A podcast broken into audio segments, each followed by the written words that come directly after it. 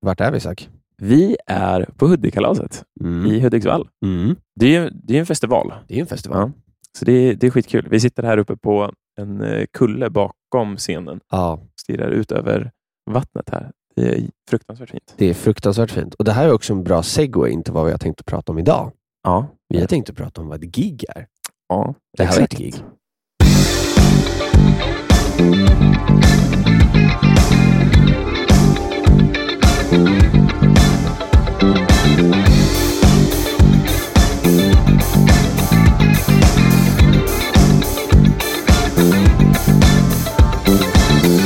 Det här är ett gig för oss, roligt nog. Ja. Men då tänker jag att vi, vi, vi, vi gör en låtsasdjupdykning till att börja med. För nu är det så här, de flesta har nog hört ordet gig förut. Det betyder ju i stort sett att spela en konsert eller till och med Ja. göra ett jobb. Men då är det så här, varför? Va, va, vad innebär det? Och vi satt här och diskuterade lite och så här, googlade lite och försökte hitta ett svar på det. Men det enda svaret vi hittade var att det är ganska osäkert. Det finns en teori om att det kanske är relaterat till en hästvagn. Och Sen finns det en annan teori att det kanske kommer från jazzmusiker på 20-talet och potentiellt har en relation till ordet engagement. Ja. Så här vore det faktiskt väldigt kul. Nu har vi försökt leta en stund. Eh, så om det är någon där ute som har en bättre förklaring så får man jättegärna höra av sig till oss. Lingvister, ring oss. Det, det var jättekul att se ifall det är någon som, som har en, en, eh, en bättre kunskap i just varför det heter gig. Eller hur? Det är ju sånt där, sådana orden bara slänger sig med utan att veta egentligen vart de kommer ifrån. Ja. Och här då, då kanske vissa bara, ja, gig. Jag känner ju till eh, gigabyte. Är det det de pratar om? Nej, vi, vi pratar inte om, eh, om utrymme på Nej. hårddiskar och sådär, utan ett gig för musiker, det är ju en spelning. Precis. Ett specifikt speltillfälle. Ja, Om man, om man har flera, om man åker på turné, då är det flera gigs. Exakt. flera gigs på rad. Ett, ett gig det är ju bara att vi, till exempel nu, att vi ska spela på Hudikkalaset. exakt. Eh, men det är inte bara musiker som har gig, Nej. utan komiker har gig, eh, skådespelare har gig, eh, folk som håller på med teater och, och, och liksom de estetiska ämnena använder sig av termen gig. Eh, så att, eh, den kan man liksom stöta på lite då och då. Mm. Verkligen. Ja, men det, det är sånt där ord som ändå är bra att kunna om man vill hålla på med sånt här. Men då är vi inne på det här, så här okej, men gig, det, nu vet vi vad det är. Varför heter det så? Men varför behöver ni egentligen giggare som musiker? Ja, för det första, det är ju väldigt kul att gigga. det är väldigt Det, är- det är väldigt kul. Det, det är kul att få se människor och Mm. folk som kommer och kollar och får presentera sin musik. Eller det är en anledning varför Mm. man gör ett gig. Men utöver det så kan det också vara för att man kanske eh, vill få pengar Mm. så man kan betala sin hyra som man Exakt. får en gång i månaden. Ehm, och sen kan det kan också vara för att man ska synas, mm. så man får visa upp sin musik. Mm. Framförallt för människor som kanske inte har sett den förut. Exakt. Eh, man kanske vill ha lite content. Man vill liksom filma eh, sitt evenemang. Eh, ja, det var några exempel. Ja, det, det är en ganska bra förklaring. Det, det, för det är ju verkligen så att det, jag skulle vilja säga att att spela live är för de flesta artister och musiker en väldigt viktig del av jobbet. För Det handlar ju i grunden ofta om att kanske skapa musik och sen spela den live, eller att spela Mm. andras musik live, eller bara skapa musik. Men det är just i live som mycket händer. Om vi tittar Ja. på musikbranschen idag, om vi ska nörda oss lite jättesnabbt, så kan vi se att från 90-talet någonstans, det var ju där boomen kom med försäljningen av musik. För då hade vi CD-skivorna som sålde som smör. Musikbranschen tjänade kopiösa mängder pengar artister Ja. kunde tjäna kopiösa mängder pengar. Och Det är ganska lätt att trycka egna CD-skivor. Mm. Men sen när streaming och piratvågen kom, den var ju, först var det piratvågen och sen kom streamingvågen med Spotify exempelvis. Mm. Då blev det ju en klar förändring. Det gick ju ner väldigt mycket för ingen ville köpa en skiva för att få en singel längre, för de kunde lyssna på den på Spotify. Nej. Och nu är vi i en tid då pengarna kommer från att sälja delvis merch Ja. och att spela live. Så idag så är det ju, innan var det så att folk spelade live för att kunna sälja sina skivor. Och idag är det tvärtom. Folk säljer skivor för att kunna spela live. Så live är ju den del av branschen idag som faktiskt genererar pengar till artister och musiker. Jag tycker du och jag är en sån här fin ålder, Isak, när vi växte upp i det här skiftet. Ja. Eh, just att eh, Jag kommer ihåg när jag kom till eh, Kulturskolan första gången jag var liten och Ja. eh, ville visa upp någon låt som jag hade fått eh, från min morbror. Jag tror Mm. det var en Flogging Molly-låt. Eh, som jag hade fått från min morbror som hade bränt en CD-skiva. Så kom jag till min trumlärare. Han skällde ut mig nästan. Nej, inte riktigt, men han bara så här, så här man får inte, det här får inte vara och man ska inte hålla på med piratkopiering och eh, det här med streamingtjänster, det är det värsta. Han hade Ja. en hel utläggning, Ja, vilket jag jäklar. förstår att han hade, för han Ja. kommer från generationen då att oj shit, nu kommer hela industrin dö ut, ja, ja, gud, ja, gud, ja, gud, ja. Eh, sen har industrin repat sig och Ja. följt vågen. Ja. Eh, så det, det har ju löst sig ändå. Det har ju löst sig. Eh, men det var ju det var lite spännande Det tider. var, det, var en, det var en intressant tid och vi har en omställning. Men det börjar ju bli, det är en annan musikindustri idag. Ja. Men då är det så här, okej, gig. Det verkar vara kul. Det verkar vara en bra grej att göra. Men då är ju nästa fråga då, hur, hur får en gig egentligen? Ja, ja det, är, det är en jätteintressant fråga. Ja, precis. Eh, annars kan man höra av sig till sin skola, sin grundskola eller gymnasieskola ifall Mm. man har det. Eller högskola. Det går också bra. Jajamän. Eh, de hjälper oftast till. Oftast elevföreningar eller något vidare. Eller någon, eh, någon liten eh, scen vid matsalen som man kan gigga Exakt. på. Och då sen går det fortsätta med det där skolspåret ish och säga alla studieförbund också. Ja, För de har ju, de har ju, det är ju en av deras funktioner att hjälpa till. De flesta Ja. studieförbund i Sverige är ju på något sätt anslutna eller äger en scen Ja. som det går att antingen hyra eller att använda gratis. Och Det finns också ofta ja, men, musiktävlingar kopplade till olika studieförbund. Mm. Vi exempelvis, när jag var ung så hade vi live-karusellen. ja, man precis. stod- jag tror jag tror de döpte om till rockkarusellen. Nej, det hette Rockkarusellen, så blev det Livekarusellen eh, och så finns det Danskarusellen Ja, och så finns det Talangen fanns när jag var ung, Ja. Musik Direkt. ja eh, precis. Som Imagine Sweden nu. Ja, Den är exakt. jättebra. Eh, och sen så har vi ju eh, UKM, Ja. Ungkulturmöts. Ungkulturmöt. Ehm, ja, bara för några, som Ja. bara några exempel. Så, så de går ju alltid att vara med och det är också ett väldigt fantastiskt sätt att träffa andra Ja. som man inte känner. Och Det här är också lite mer alltså, så här, länstävlingar. Ja. Det finns ju också lokala tävlingar eh, i sina småstäder. Verkligen. Och Jag tycker det är jättekul om de kommer in och bara, vilka är det här? Och varför sitter de och pratar i mikrofoner? Det Ja. är ju fantastiskt roligt. Ja. Eller så konstiga liv. Nej men precis. Jag tror också, om man lyssnar lite noga nu, så kan man nog höra, är det Stenström som Jag tror det är Ja, jag Stenström. tror det också. Jag har inte hört någon rösten, så jag vågar inte. Nej, jag hörde en liten snutt och det lät lite, lät lite Ja. bekant. Lite mysigt. Ja, mys, mysig bakgrund. Nej men och sen då, så när du ändå varit inne på skola och sånt, kan vi också säga att det är släktträffar går ju också Ja. ibland få till. Ja, absolut. Om man har någon, eh, eh, ens eh, vet det, mors äldre syster som ska ha 60-årsfest. Exakt. Alltså, kör. Kör på. Jag spelade på så många släktträffar när jag egentligen kanske inte var tillräckligt bra för det. Och min släkt har fått eh, genomlida mycket. Men de har så, fått vara med. så har det varit. Nej, men det, så det, det, ju, det finns ju också väldigt mycket så här vänner bekanta som är värt att ta upp. Mm. Och Sen så har vi också musikläger. Ja. Det finns ju som popkollo och sånt där. Ja, exakt. Och det, det, är också så här, det kan man ju prata med sina studieförbund om eh, i det länet man, man nu tillhör. Eh, och Sen kan man också prata med Svenska kyrkan, har ju ganska mycket. Ja, det är sant. De har ganska mycket. Eh, och Sen finns det bara allmänna musikläger också som inte, har, som inte är förknippat till något av det. Så det kan man googla runt på. Och det som bara som ett tips från oss. Kolla upp. Det finns lite olika saker där ute. Det finns ganska mycket faktiskt. I Sverige, Ja. faktiskt, det kan ju vara värt att säga, att det har vi nog nämnt i någon tidigare episod när vi pratade om replokalsetik också. Mm. Men just det här med studieförbund och sådär. Sverige har ganska mycket nätverk Ja. för att hjälpa folk framåt faktiskt, jämfört med många andra länder. Så det, kolla upp och ta nytta av dem, för de är till för er. Ja, jag har ju bott utomlands Mm. och eh, det är nu svär jag, det är ett helvete att få tillgång till de grejer som vi kan få i Sverige. Eh, vi lever i en jättestor musiklyx på det Ja, sättet. eh, sen kanske eh, gig och live-kulturen kulturen är lite annorlunda eh, jämfört med vissa länder, men det, Det, finns för och det, nackdelar. det finns för och nackdelar med allt och vi är absolut inte sämst. Nej. Så att det är liksom, jag tycker att Sverige är en väldigt bra, har en Ja. väldigt hög standard. Så ja, kan vi säga. Gud, ja, det skulle jag vilja hålla med om. Ja. Men nu har vi ju ändå tagit oss, vi, vi, för vi valde ju faktiskt att avsluta så här, för vi tar oss liksom neråt, om man säger så. För att en börjar ju ofta där med att spela på skolan, Ja. spela på kulturskolan, och sen kommer in på lite musiktävlingar och så vidare. Mm. Och sen börjar vi hamna nu mot de här grejerna som är kanske, när den väl kanske kommit lite längre, eller känner att nu vill vi, liksom, nu vill vi göra saker. Ja. Då kommer vi in på att det finns exempelvis festivaler som Live at Heart Ja. och liknande som är alltså showcase-grejer, Mm. där det går att få en speltid. Ja. Man får liksom in, de festivalerna får man inte betalt på, Nej, men man får en scen att spela och en chans att visa upp sig för folk i industrin. precis. Ehm, så det är väldigt bra. Live at Heart är väldigt bra på det sättet. De hade ju någonting i Norrköping också. Det hette ju... um, Åh nej. eh, ja, Future Echoes. så liksom, festivaler har vi. Det finns också lokala festivaler. Till exempel när jag växte upp så i Örebro så fanns det Voxfestivalen. Ja, Där det kom någon stor artist Ja. som var betald på kvällen, men tidigare på dagen så var det förknippat till studieförbund eller Ja. till olika ansökningar som man fick göra. Så man fick liksom anmäla sig till de festivalerna. Ja, men det, sånt är ju fantastiskt. Ja.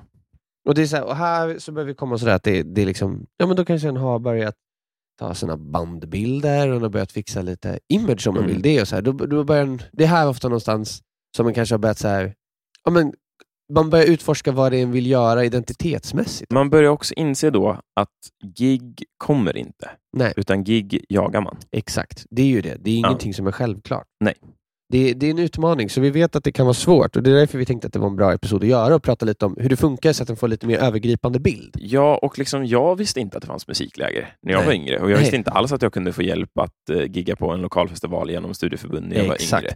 Utan det är liksom så här, det här är jag och Isak lärt oss genom Ja. åren. Och nu väl, har vi väldigt tur i, i den här åldern att, att jobba med det vi ja, gör. eller hur? Eh, så vi bara ger det som ett tips. Precis. Giggen kommer inte. Giggen Nej. måste ni jaga.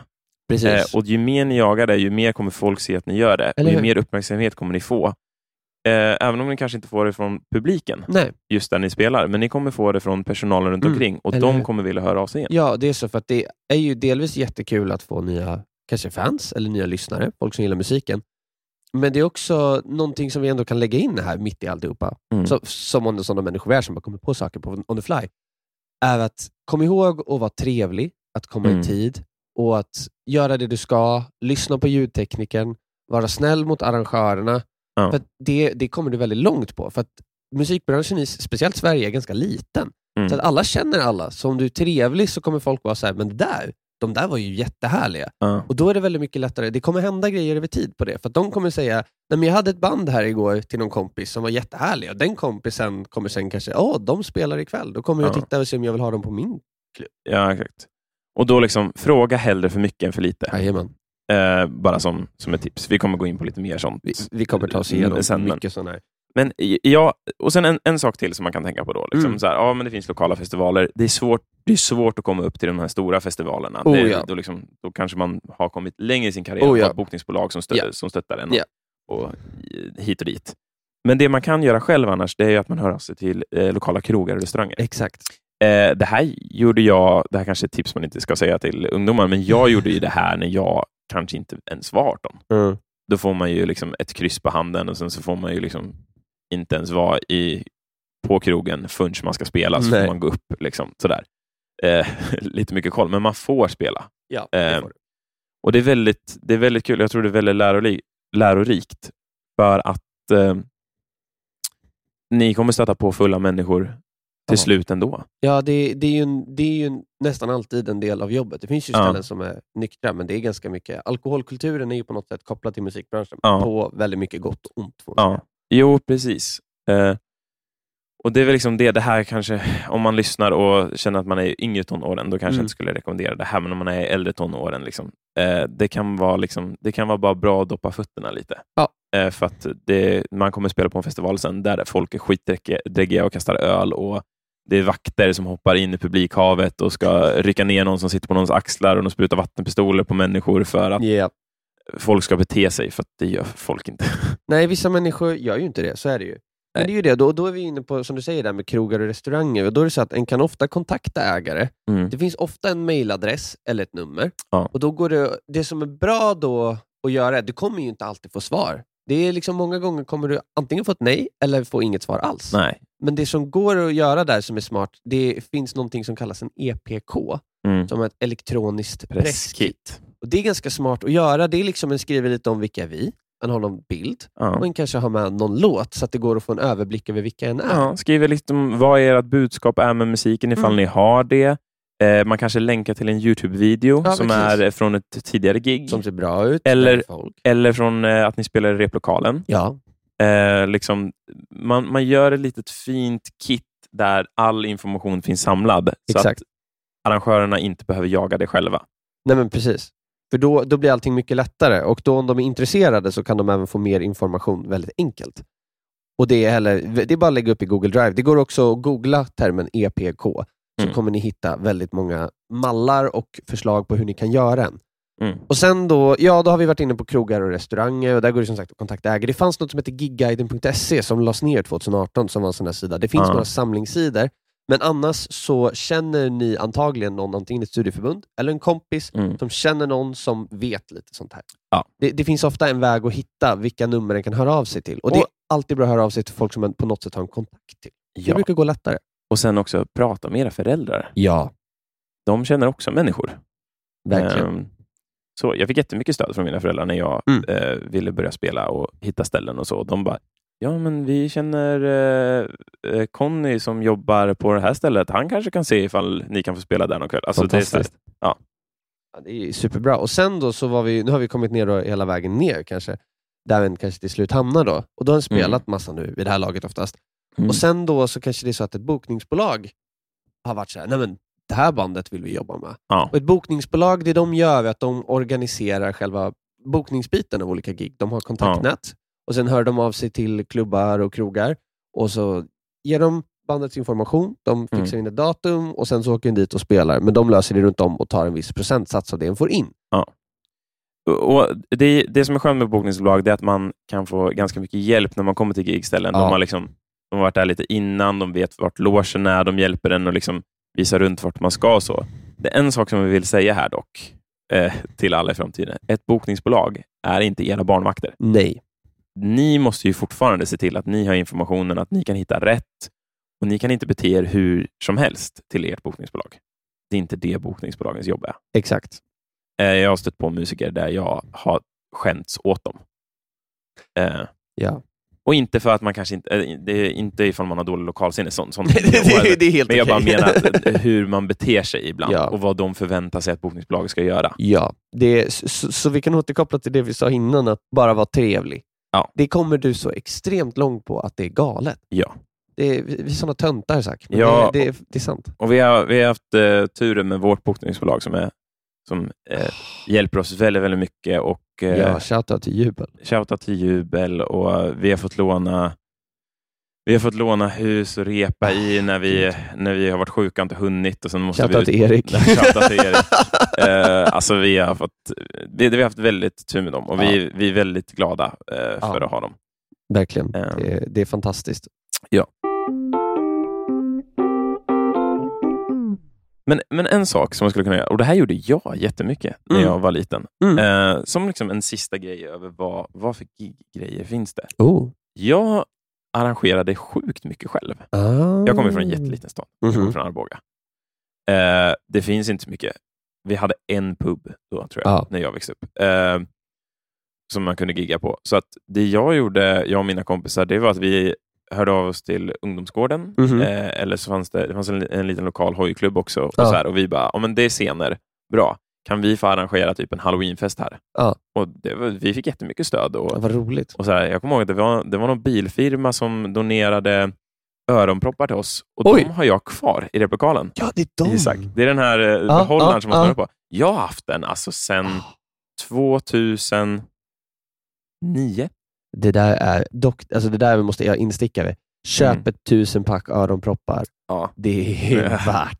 Ja, men vi fick det som donation för att vi skulle Oj. ha ett, ett eget eh, event helt enkelt. Jag och Wow. mina kompisar, där vi bara skulle... Vi, vi drog upp alla lokalband. Eh, vi frågade ifall vi kunde få låna ljud från någon, antingen ett band som hade, som var lite äldre, Ja. eller liksom sådär. Ehm, eller hyrde in. Och Sen så arrangerade vi egen fest och köpte in Festis och bullar som man kunde köpa för 20 kronor. Och Sen så Häftigt. försökte finansiera hela det här Ja. paketet på det. Ja, nej, verkligen. Det där kan jag också relatera till. Jag gjorde också det. Och då finns det också, jag, jag vet inte om du hade det i Arboga, men i Uddevalla Mm. så hade vi ett sorts kulturstöd som hette Giraffstödet i Uddevalla. Mm. Shoutout till Kerstin. Det är väldigt många shoutout i det här avsnittet, men det Ja. finns så många härliga människor som varit med i vår, vår resa så att det bara Ja. måste göras. Nej, men eh, det var så här, I Uddevalla då så kunde en få pengar. Man kunde få upp till 10 000 kronor för att arrangera ett evenemang Mm. om man var under 25 och det var tillgängligt för alla Mm. och det var ingen alkohol och ingen narkotika. Ja. Så då gjorde jag mina första spelningar med mina soloprojekt, alltså Mm. Evening Sunshine som jag hade då. Det körde jag via giraffstödet. Mm. Det var fantastiskt. Så Mm. sådana organisationer finns det. Så inte bara studieförbund, utan ibland det är värt att kolla i kommunen, så finns det liksom kulturstöd för Ja. att kunna göra ungdomsevenemang. Ja. Eh, och Sen vill man ha ett annat stöd om man, man skulle säga att man skulle vilja ha eh, stipendium. Ja. eh, för att kunna göra olika arrangemang. Då eh, har jag ett quote från en gammal kompis eh, Mhm. till mig som sa, det finns alltid någon gammal gubbe som håller på att dö som har alldeles för mycket pengar. Eh, som man kan få bidrag av. Jag tyckte det var jätteroligt när hon sa det första gången. Ja, det, det, det, det. Hon är så fin människa. Ja. Oväntat citat. ja.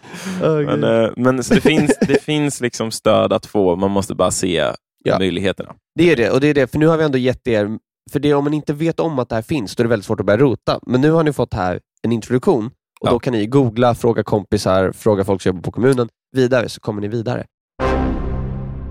Men Isak, Mm. liksom, då vet vi, okej vi vet gig, vi vet Mm. hur vi ska fixa ett gig, Mhm. men vad behöver man för ett gig? Ja, eller hur? Det här är ju så viktigt. Det är ju, för det första behöver du ju en scen.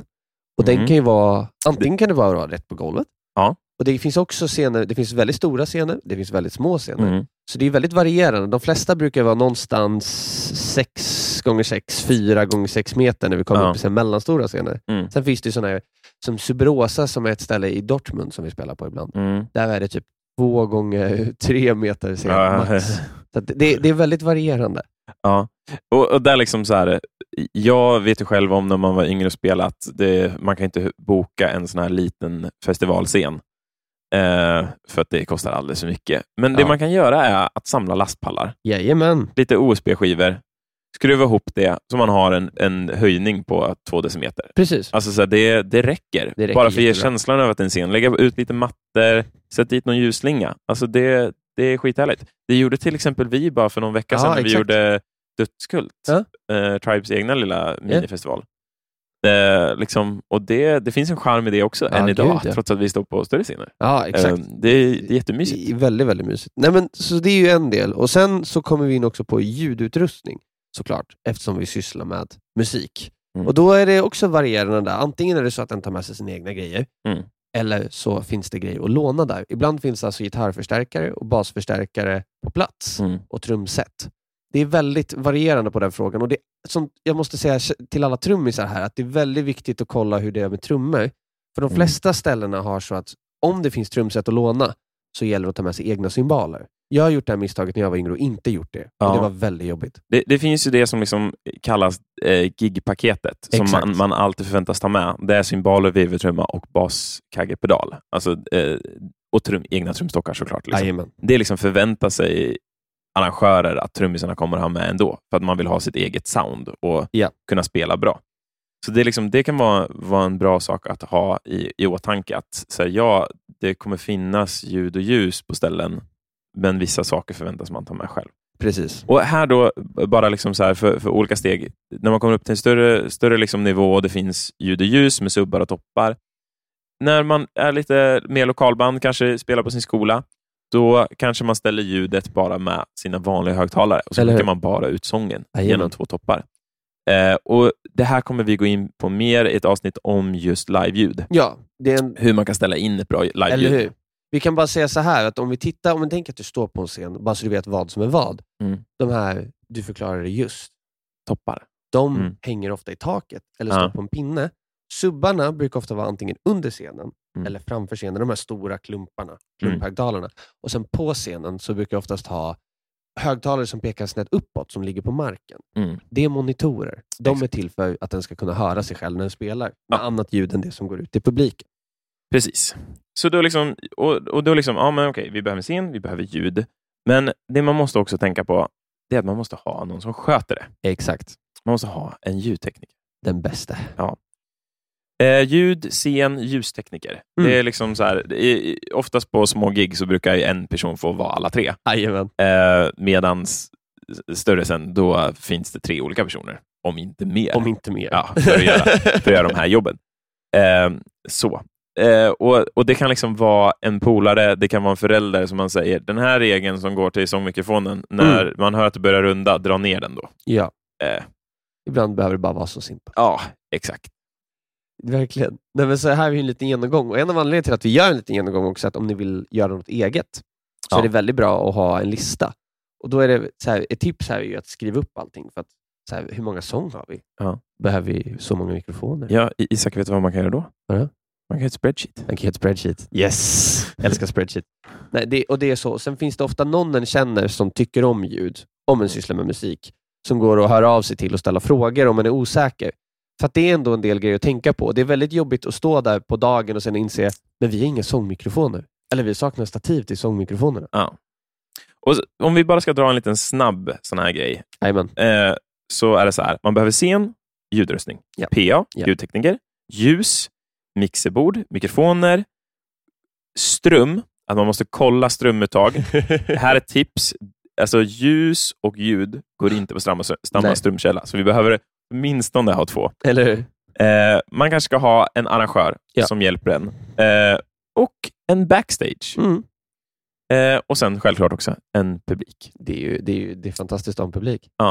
De här sista, det är liksom, en arrangör det är ju en person då som, som hjälper en med eventet, som ser Ja. till att personerna som står utanför och väntar på att eh, bli insläppta, att de blir insläppta, eh, liksom ha koll på hela, hela området, alla människor som är där, se till att banden har det bra, att det finns dryck, alltså det är så här, ha lite överblickande koll. Liksom. Eh, och nu, nu gick jag igenom den här lite, lite snabbt, så en, en backstage, det är det jag och Isak sitter i nu. Exakt. Och det är en privat yta där banden får hänga för sig själva. Mm. Så att man inte behöver träffa alla människor som är ute i publikhavet hela tiden. Ja, precis. Det är ju väldigt viktigt, för det är ganska ofta en behöver just hinna andas lite eller hinna byta om. Och Det kan vara väldigt jobbigt att behöva göra det ute i publik. Ja, framför 50 människor som man inte känner. Det, det är inte alltid jättekul. Nej. Och så kunna gå på toa och kunna värma upp och sådär. Ja. Det är viktigt. faktiskt. Och publik då, det är ju människor som kommer och kollar på evenemanget. Yes. Mm. Det är det bästa vi har. Ett tips där, om man är i början här, är ju att arra en spelning om man gör det själv med kanske tre andra band. Mm. Helt plötsligt så har den redan en publik på 12 människor ungefär, innan den ens fått in en publik. Lokalband, liksom det viktigaste ni kan göra, och fa- fa- faktiskt också större. Ja, gud ja. Alltså så här, bjud in era kompisband. Yes. Alltså spela med era kompisband. Det, är liksom, det gynnar bara, det blir bara roligare. Mhm. Det blir en längre stund av musik eh, för allihopa, så folk känner att det var mer värt slanten. Och det kommer mer folk. Alltså det är bara, det är bara kul. Bara bjud Exakt. in mer band. Det, det är drömmen. Det, det är verkligen så, så hon tar sig vidare. Mm. För att alla, alla känner vi folk och det handlar mycket om att Såklart inte bara att den ska vara kompis med alla den inte vill vara kompisar med, men mycket av den här branschen handlar bara om att vara kompis med människor. Och Det kan jag tycka Ja. är lite fint, att det handlar om att vara snäll mot varandra i Ja. det mesta av världen.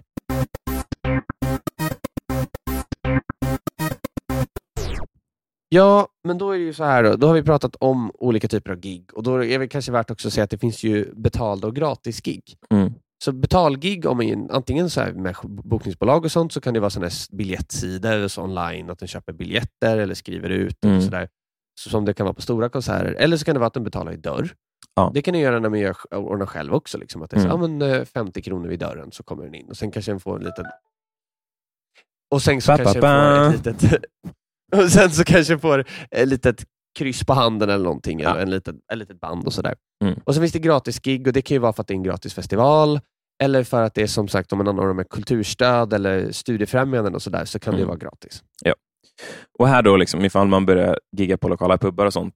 Eh, i, I början kanske man inte får så mycket betalt. Nej, precis. Eh, men man, det man kan prata med arrangörer och sånt om är att man kanske kan ta en del av dörren. Ja. Och Det man menar med det, det är att om vi säger att det kommer in 100 människor under kvällen och så säger vi att de betalar 100 kron- kronor var. Ja.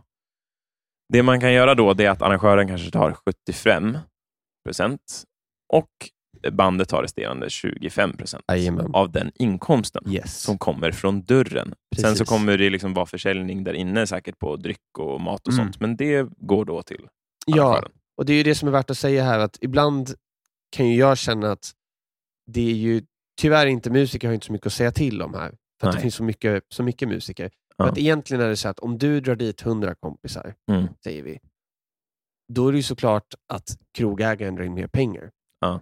Och, det är inte, och det är ofta de här krogarna då som kanske säger att ah, men ni får stå upp ljudet själva.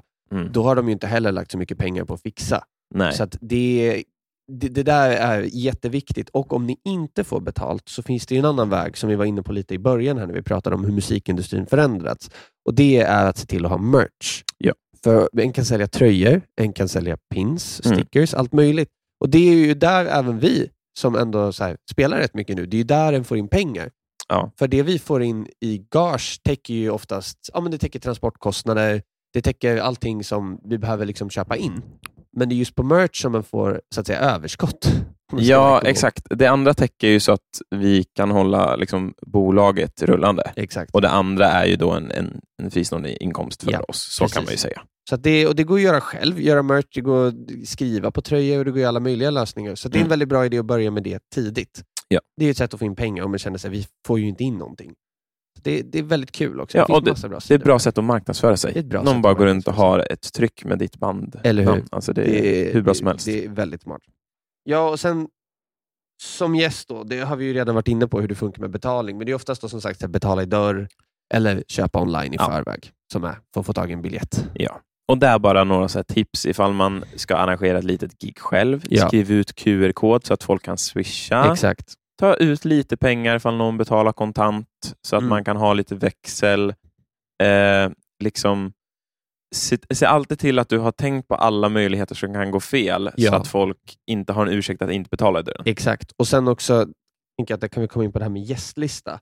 Mm. Att det är jättefint att ha gästlista, men om man arrangerar med sina kompisar lokalt Ah, så är det ganska bra att inte dra in alldeles för många på gästlista. För det, det, det kan bli, om vi tänker att vi ska ha 80 pers i publiken och sen drar du in 40 av dina kompisar som slipper betala ja, och det andra bandet drar dit 40 pers som betalar, ja. då kommer det ju kännas väldigt tråkigt för dem. ja, de- den här tabben tror jag att jag har gjort mer än dig. Ja, det tror jag också. Jag har- ju arrangerat lite mer kanske större lokal a- arrangemang. Ja.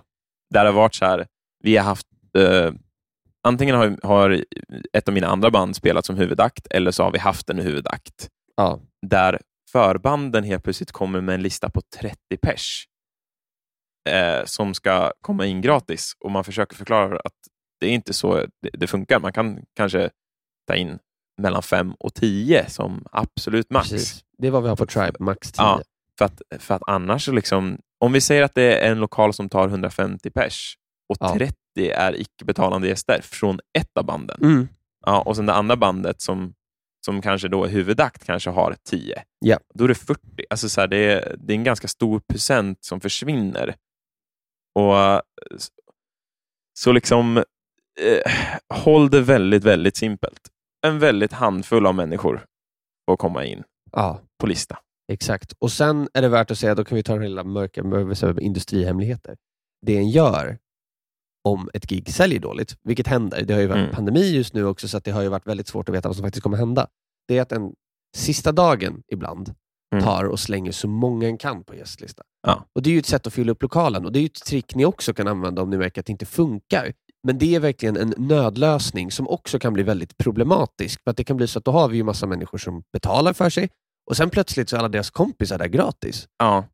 Så den, den är lurig, men den är värd att nämna. För Den är ändå ganska, den är Mm. ganska etablerad. Man använder den i olika sammanhang. Oh ja. Man använder kanske inte den ifall man arrangerar ett event själv, Nej. där man har betalat lokalen och betalat PA-systemet och så. Nej, Det kanske är ett event där man har blivit inringd och ser Precis. att det här säljer inte bra. exakt.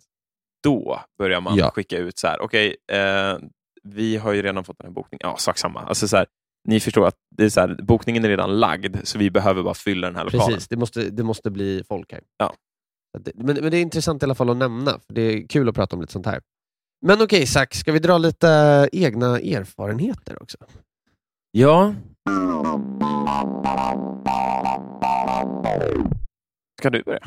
Ja, jag kan ju börja. Jag, jag vill slå ett slag återigen tror jag för giraffstödet. För det var så jag kom in på det här med att vara ansvarig för eh, arrangemang. För det var ju så att då, när jag hade mitt första soloprojekt där 2017 ehm, Ehm, så fick jag höra om det här giraffstödet och prata lite med dem och det var fantastiskt. Så att då fick jag helt enkelt säga, ja men jag vill köra en spelning med, eh, jag ska starta ett band och sen så ska jag släppa en skiva. Och då såg vi till att fixa en lokal som heter Bastionen i Uddevalla. Eh, och Det var fantastiskt. Jag fick hjälp med allting längs hela vägen. Och Det var så här, ja, det, det var helt enkelt alla kunde komma dit och komma in gratis och det blev typ så här 100 pers där. Det var fantastiskt. Och, och den har jag använt flera gånger sedan dess. Det är någonting fantastiskt med att arrangera själv. Jag tycker att alla borde göra det någon gång, för det är någonting när vi står där och har gått och stretat och fixat och flyttat grejer och så slängt upp ljud och så ser en någon stå i publiken och vara jätteglad. Det är en känsla som är så svårslagen. Ja. Eller när någon kommer fram och bara ah, det var en så grym kväll. Ja, Och då gud, blir man eh, skitglad. Det, det är eh, svårt att slå. Det är det, för man är så sliten efter ett gig. Eh, så, framförallt om man arrangerar själv. Ja, gud och har burit grejer hela dagen och Ja. sen ska man spela på det. Och, ja. Så är det du. Så är det du. Ja. Vad du. Vad du du vill prata om när det kommer till egna erfarenheter? Jag, eh, jag skulle nog säga så här, en, ett tips Ja. från mig nu som har gjort det här en stund. Jag är fortfarande ung, så jag har inte gjort det allt för länge. Men, men eh, ett tips är ändå att eh, börja redan nu, Ja. oavsett vilken nivå ni än är på, och gör ett första gig. ja. Gör det, även om det bara är att okej, vi, ska, vi ska testspela live, bara för vår familj och våra nära och kära. Så det kommer bara vara 25 pers. Ja. Börja där och gigga ute eh, på eh, farmors sommarstuga. Så här, slå upp en scen där, gör vad ni vill. Men bara för att testa och se så att ni har koll på vad är det egentligen som behövs. Eller hur? Så att liksom, gör misstagen innan ni åker till ett gig och råkar Ja. göra misstagen framför en krogägare och bara, ja men varför vad, har ni inte med högtalare? Och så bara, nej, nej det har vi inte. Nej men då går det inte att göra något gig och sen så får man aldrig komma tillbaka igen. Exakt. Det är bättre att bara arrangera först Ja. själv. Och bara så man lär sig. Det, det är jättesant. För jag har gjort det. Jag har dykt upp på, på, på evenemang där vi antog att det skulle finnas grejer där det inte fanns grejer och giget fått blivit inställt för att Aj. det var en miss i kommunikationen. Aj. Och det är då man lär sig. Och jag bara, eh, gör det hellre själv då, Ja. eh, ja. med era nära och kära, än att ni gör det eh, där ute. Gud, ja. Ja. Det är viktigt sådär. Sen tänker jag vidare här, där sa du något vettigt. Jag tänker att ska vi, ska vi lämna folk med en liten sån här smart lista på saker att tänka på vid ett gig? Mm. För det känns ändå som det finns massa misstag du och jag har gjort. Ju, vi, vi gillar ju ändå att dra några sådana här, inom citattecken, hacks Ja. som folk kan nytta av. Vi kan väl dra någon var tills vi känner att vi har hittat någon så här, nu är vi klara. Jag börjar med att säga, sätt in telekabeln genom axelbandet på gitarren så att du inte kan tappa det. Alltså kameran inte kan åka ut Precis, när du råkar dra kameran för långt. Precis. Ja. eller står på den, så sitter den kvar. Ja, exakt. Eh, ha, eh, ha alltid en extra telekabel. Ja, alltid extra gitarr. Ja, ha en extra gitarr. Eller en extra uppsättning strängar bara. Ja, gud ja. Eh, jag har trubadurat och dragit en sträng och bara, vad fan gör jag nu? Eh, på en 60-årsfest en gång. Det var tråkigt. Det löste sig, men det var tråkigt.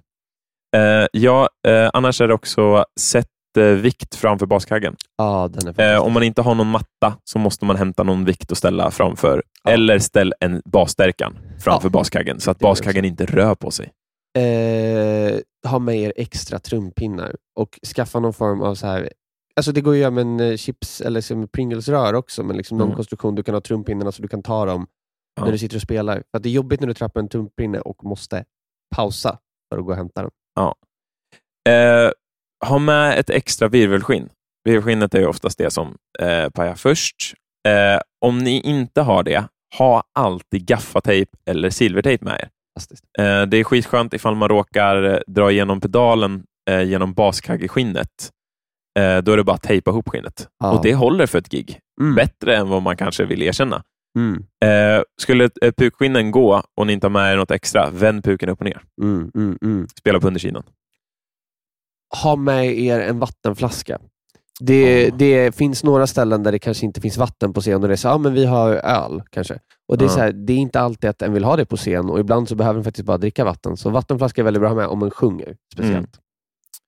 Ja, det är jättebra tips. Ehm, eh, vi ska se. här. Ja, eh, tänk alltid på era andra musikanter runt omkring er. Jag har i min stickbag så har jag ett capo, lite plektrum, eh, en extra kabel och en mikrofon. Har jag i min stickbag, bara för att jag vet att det kan vara något situation när jag kommer dit och sen så har de glömt att trummisen också ska sjunga på det här giget. Så att jag kanske också behöver ha med mig ett litet nödkit för de delarna som inte är mitt instrument. egentligen. Så. Ha med er extra plektrum i fickan om ni spelar gitarr.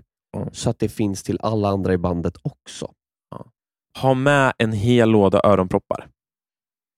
Eh, för att någon glömmer alltid öronproppar. Alltså, var, varje gig med Tribe så är det någon som har glömt öronproppar. Roligt nog. Alltid. Ehm, ha med er ombyteskläder. Det är ganska Ja. lätt att det blir svettigt. Om man har specifika scenkläder kan det vara väldigt skönt efteråt att kunna ta sig ur dem. Mm. Prata alltid med arrangörer om vart man kan ställa grejer efter gigget. Det är skitvettigt. Kom, det har vi redan sagt, men det är ändå en grej som är lika bra att dra en gång till. Kom i tid när ni ska vara där. Ja, ja verkligen. eh, så. Nå, något annat sånt där? Ja, eh, monitorer kan inte ta hela ljudbilden. Åh gud, den är så vettig. Det är, den, det är den absolut viktigaste. Monitorer kan inte ta hela ljudbilden. Hur många ska du välja, Zack? Fyra. Fyra. Fyra viktiga grejer. Fyra olika ljud. Fyra viktiga grejer. Det andra kan ligga och surra lite i bakgrunden. Mm. Och Ett tips där om du spelar bas är att du kanske vill att det ska kännas mer bas, men det viktigaste är att du hör tonerna och då kan du kolla om de kan kutta basen. Mm. Alltså det, det, det är alltså att den tar bort basfrekvenserna. För då kan du höra diskanten snarare. Det blir liksom lite för mycket för monitorerna att ta basfrekvenserna, så blir det ofta bara ett muller. Så då är det bättre att ta högfrekvenserna. Man Och då mullrar det på hela scenen, så då måste alla andra höja också. Och Det Ja. är det som blir väldigt rörigt till slut. Eh, Har vi några mer grejer att tänka på? Sådär? Extra plektrum? eh, utöver att sätta fast gitarrkabeln i gitarren genom eh, axelbandet, om du har pedaler och en stärkare så kan du oftast trä kabeln genom handtagen där också, Ja. så att du inte kan dra ut dem från vare sig pedalbordet eller stärkaren. Eh, ja. Det var någonting jag tänkte på nu som var skitbra. Fan, glömde bort det på en gång. Gud. Vi kommer tillbaka. Skriv en setlist. Ja. Skriv en setlist. Ehm. ja, det här är jätteviktigt. Ja. Straplocks. Ah, straplock. Straplocks. Det- Straplocks det är alltså en, antingen en liten gummiplupp eh, som man sätter, eh, där man fäster sitt axelband på sitt, sin gitarr eller bas eller så vidare. Så sätter man en gummiplupp över eller ett litet stålspänne eh, så att det, axelbandet kan lossna från gitarren. Fantastiskt vettigt. Sen har vi en annan nördpunkt till.